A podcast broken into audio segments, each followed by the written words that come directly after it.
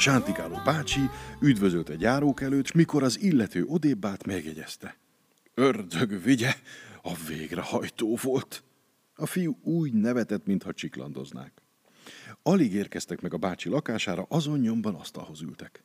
Ma vagdalt szalonnás lepény volt ebédre, utána pedig hússaláta málna szörpel. A régi spártaiak még a vérlevest is szemrebbenés nélkül ették, jegyezte meg a bácsi. Hogy izlik, fiatal barátom? Förtelmesen jól, felelte Konrád. Az ember edze magát, mondta rá a bácsi.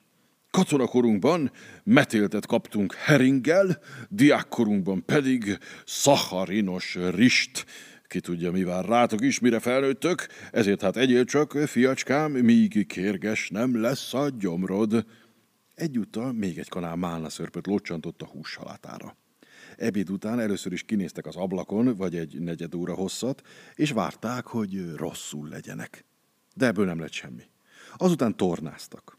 A bácsi felsegítette unokaöcsét a nagy könyvszekrényre, és Konrád tótágast át a szekrény tetején.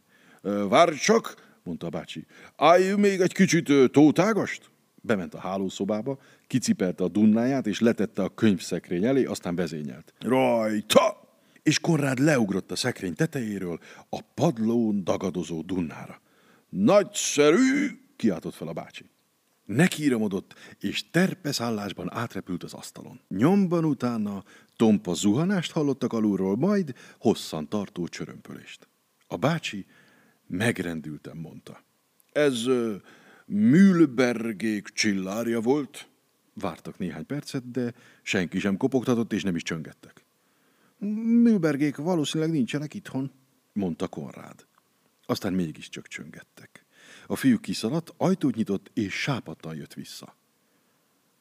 A nagy fekete ló van odakint, suttogta. Hát jöjjön be, adta ki a parancsot Ringelhut bácsi. Korrát bebocsátotta. A jövevény levette szalmakalapját, és megkérdezte. Nem zavarok. Szó sincs róla, nyugtatta meg a bácsi. Tessék helyet foglalni.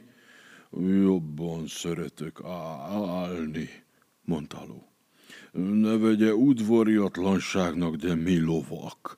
Nem vagyunk ülésre berendezkedve. Ahogy parancsolja, felelte a bácsi. Egyébként szabad ő megkérdeznem, minek köszönhetjük a megtiszteltetést? A ló nagy, komoly szemével zavart pillantást vetett mindkettőjükre. Önök olyan rokon szembesek voltak nekem mindjárt az első pillanatban, mondta. Ön is nekünk, felelte Korrád, és meghajolt. Igaz is, még mindig van itt vágy a kocka cukorra?